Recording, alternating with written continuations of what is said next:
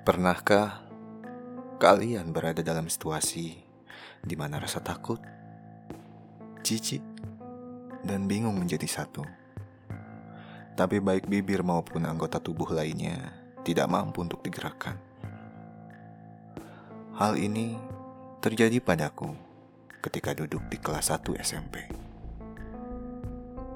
Sebagai anak laki-laki yang baru masuk SMP, aku sangat excited ketika harus berangkat dari rumah, menaiki angkot ke sekolah sendirian. Karena biasanya, sewaktu SD, kalau tidak naik mobil jemputan, aku akan diantar oleh ayah atau ibuku. Maklum, aku anak satu-satunya. Jadi, sangat dimanja oleh orang tuaku. Meskipun ayah dan ibuku cukup khawatir karena SMP ku jauh dari rumah.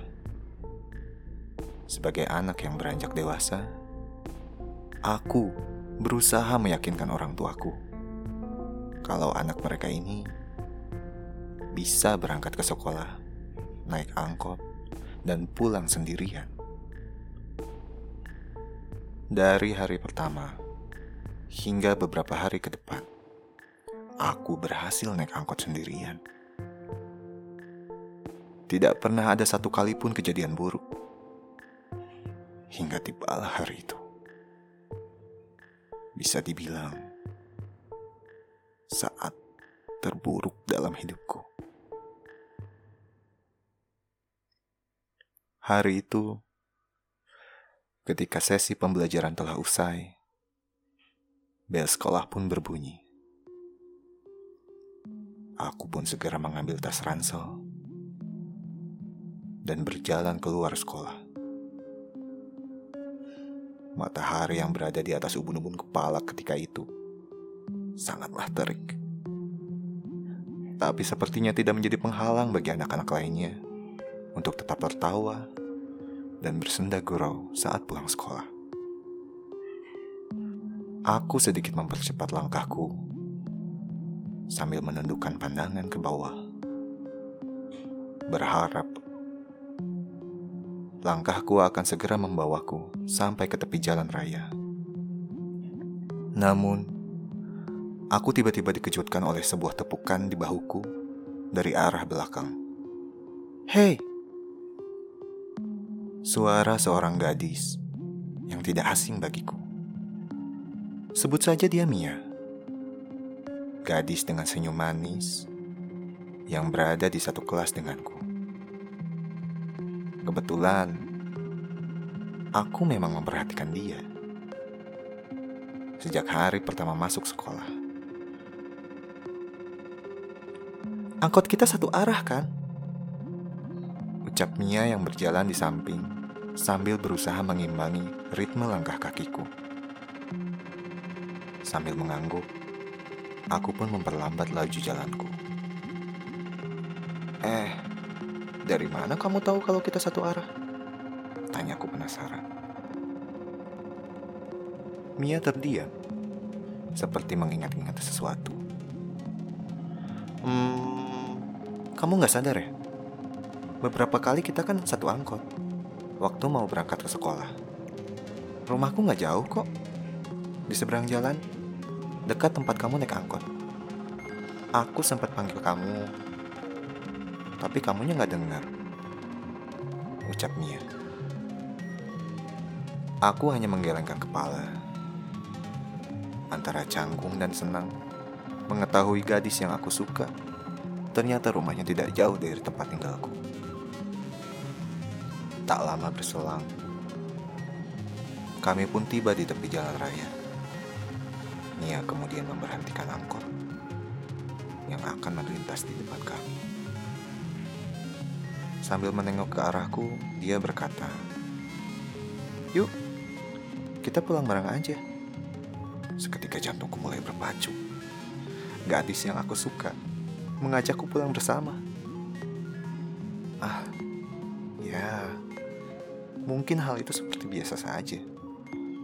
Tapi karena aku yang mengalaminya, hal tersebut jadi terasa luar biasa.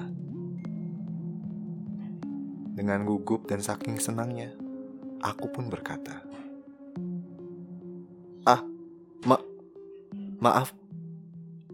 Aku lupa ada urusan. Kamu pulang duluan aja." Eh, ngomong apa aku tadi? Kenapa lidah dan otakku nggak sinkron sih? Ucapku yang menggerutu dalam hati. Aku kemudian melihat Mia memasuki angkot, lalu melambaikan tangan kepadaku. Tak lama, angkot itu pun pergi dari hadapanku. Bodoh! Bodoh! Umpatku yang kesal pada diriku sendiri. Dengan rasa lemas di seluruh badan, karena kecewa dengan kebodohan sendiri. Aku segera memperhatikan mobil angkot berikutnya yang melintas. Aku kemudian naik, lalu duduk di belakang supir. Saat itu penumpang yang ada di dalam mobil angkot hanya ada aku dan seorang ibu-ibu di pojok belakang sana.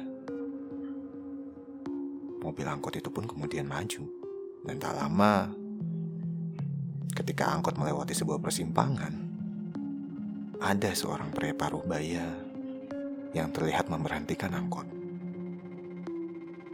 Aku tidak terlalu mengindahkan pria tersebut saat ia menaiki angkot. Jadi, Raut wajahnya pun aku tidak tahu. Hanya postur tubuhnya saja yang menandakan pria tersebut parubaya. Dia kemudian mengambil posisi duduk tepat di sebelah kiriku. Aku sendiri cukup heran. Padahal tempat duduk masih terbilang luas. Tapi dia lebih memilih duduk mepet di sampingku. Saat itu aku duduk sambil memangku tas di paha kanan. Orang tuaku selalu berpesan untuk berhati-hati pada copet di angkot. Jadi karena sedikit curiga dengan pria paruh baya tersebut, aku lalu memeluk erat tasku. Beberapa menit berselang, tiba-tiba aku merasakan gerakan di bagian paha kiriku. Telapak tangan pria tersebut terasa menempel di atas pahaku.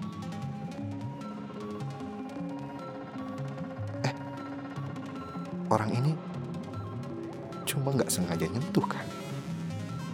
Atau beneran mau nyopet? Tanyaku dalam hati.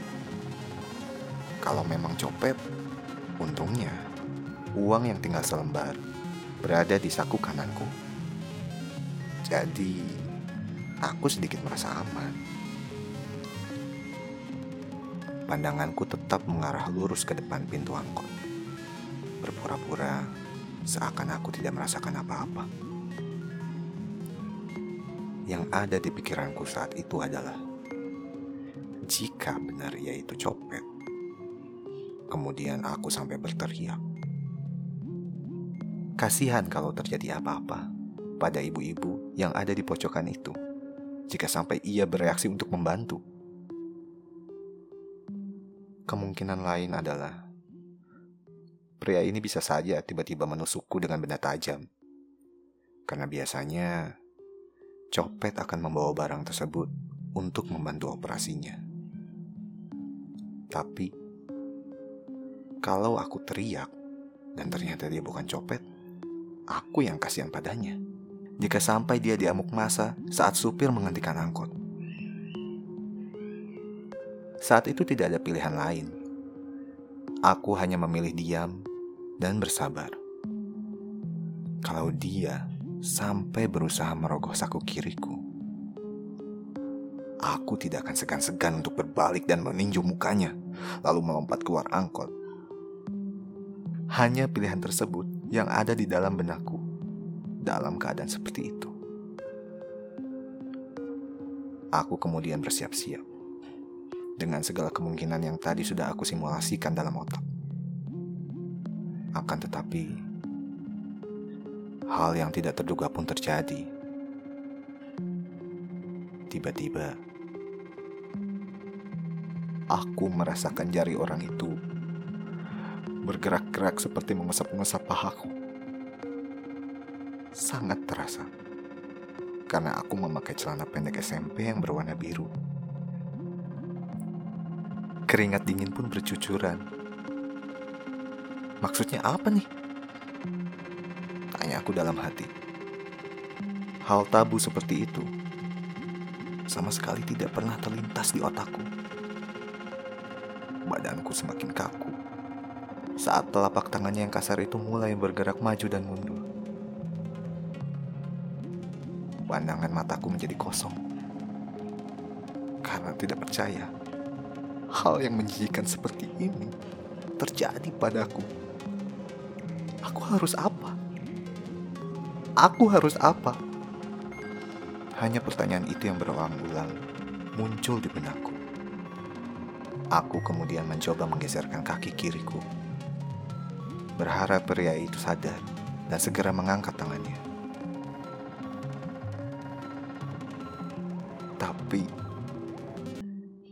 Terjadi malah sebaliknya. Telapak tangan pria itu mulai mencengkeram paha kiriku. Kengerian mulai menjalar hingga ke kepala dan membuat bulu kuduku berdiri. Lalu, bibirku pun terasa mengering dalam sekejap. Aku tidak mungkin berteriak pada orang tersebut. Malu rasanya jika sampai ibu-ibu atau supir tahu hal seperti itu terjadi padaku. Tapi, meskipun aku ingin berteriak, lidah ini keluh. Seakan kemampuan berbicaraku hilang. Keadaan hati mulai tertekan. Istilah masa bodoh akhirnya menjadi isyarat bagiku untuk segera melakukan sesuatu. Aku genggam erat tas ransel dengan kedua tanganku. Dan sekuat tenaga, aku geserkan tasku dari paha kanan ke paha kiri untuk melepaskan tangannya yang berada di paha kiriku. Pria parubaya itu sepertinya kaget dengan apa yang aku lakukan. Ia segera melepaskan tangannya dari pahaku, lalu meminta supir untuk menepikan angkotnya. Lega. Satu kata itu yang ada di pikiranku saat itu. Namun kengerian belum usai. Setelah pria itu turun dari angkot, ia tak langsung beranjak dari tempat ia turun. Dia berdiri menghadapku dengan tatapan mata yang tajam. Diiringi dengan senyum yang menyeringai yang memperlihatkan gigi-gigi kuning yang mulai kehitaman. Hari-hari berlalu tapi pengalaman mengerikan itu masih terngiang di kepalaku setiap aku akan menaiki angkot. Butuh waktu sekitar satu minggu untuk mengurangi trauma tersebut. Walaupun tetap saja, wajah tua dengan senyum yang menyeringai itu masih lekat di ingatan. Semenjak hari itu, aku pasti selalu mengajak Mia untuk pulang bersama. Bukan karena ingin pendekatan, tapi oke, okay, ya sedikit. Seminggu setelah kejadian tersebut, sepulang sekolah, aku memberhentikan angkot. Kami kemudian menaiki angkot dan duduk bersebelahan di belakang sopir. Karena aku dan Mia sudah mulai dekat, kami berdua sering melontarkan candaan. Di dalam angkot, kami berdua tertawa terpingkal-pingkal. Sampai akhirnya, angkot pun perlahan menepi. Tawaku seketika terhenti saat melihat sosok yang ada di luar pintu angkot.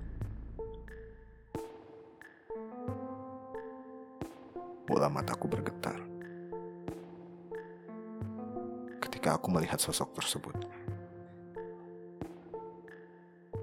Dan sosok itu pun tersenyum menyeringai.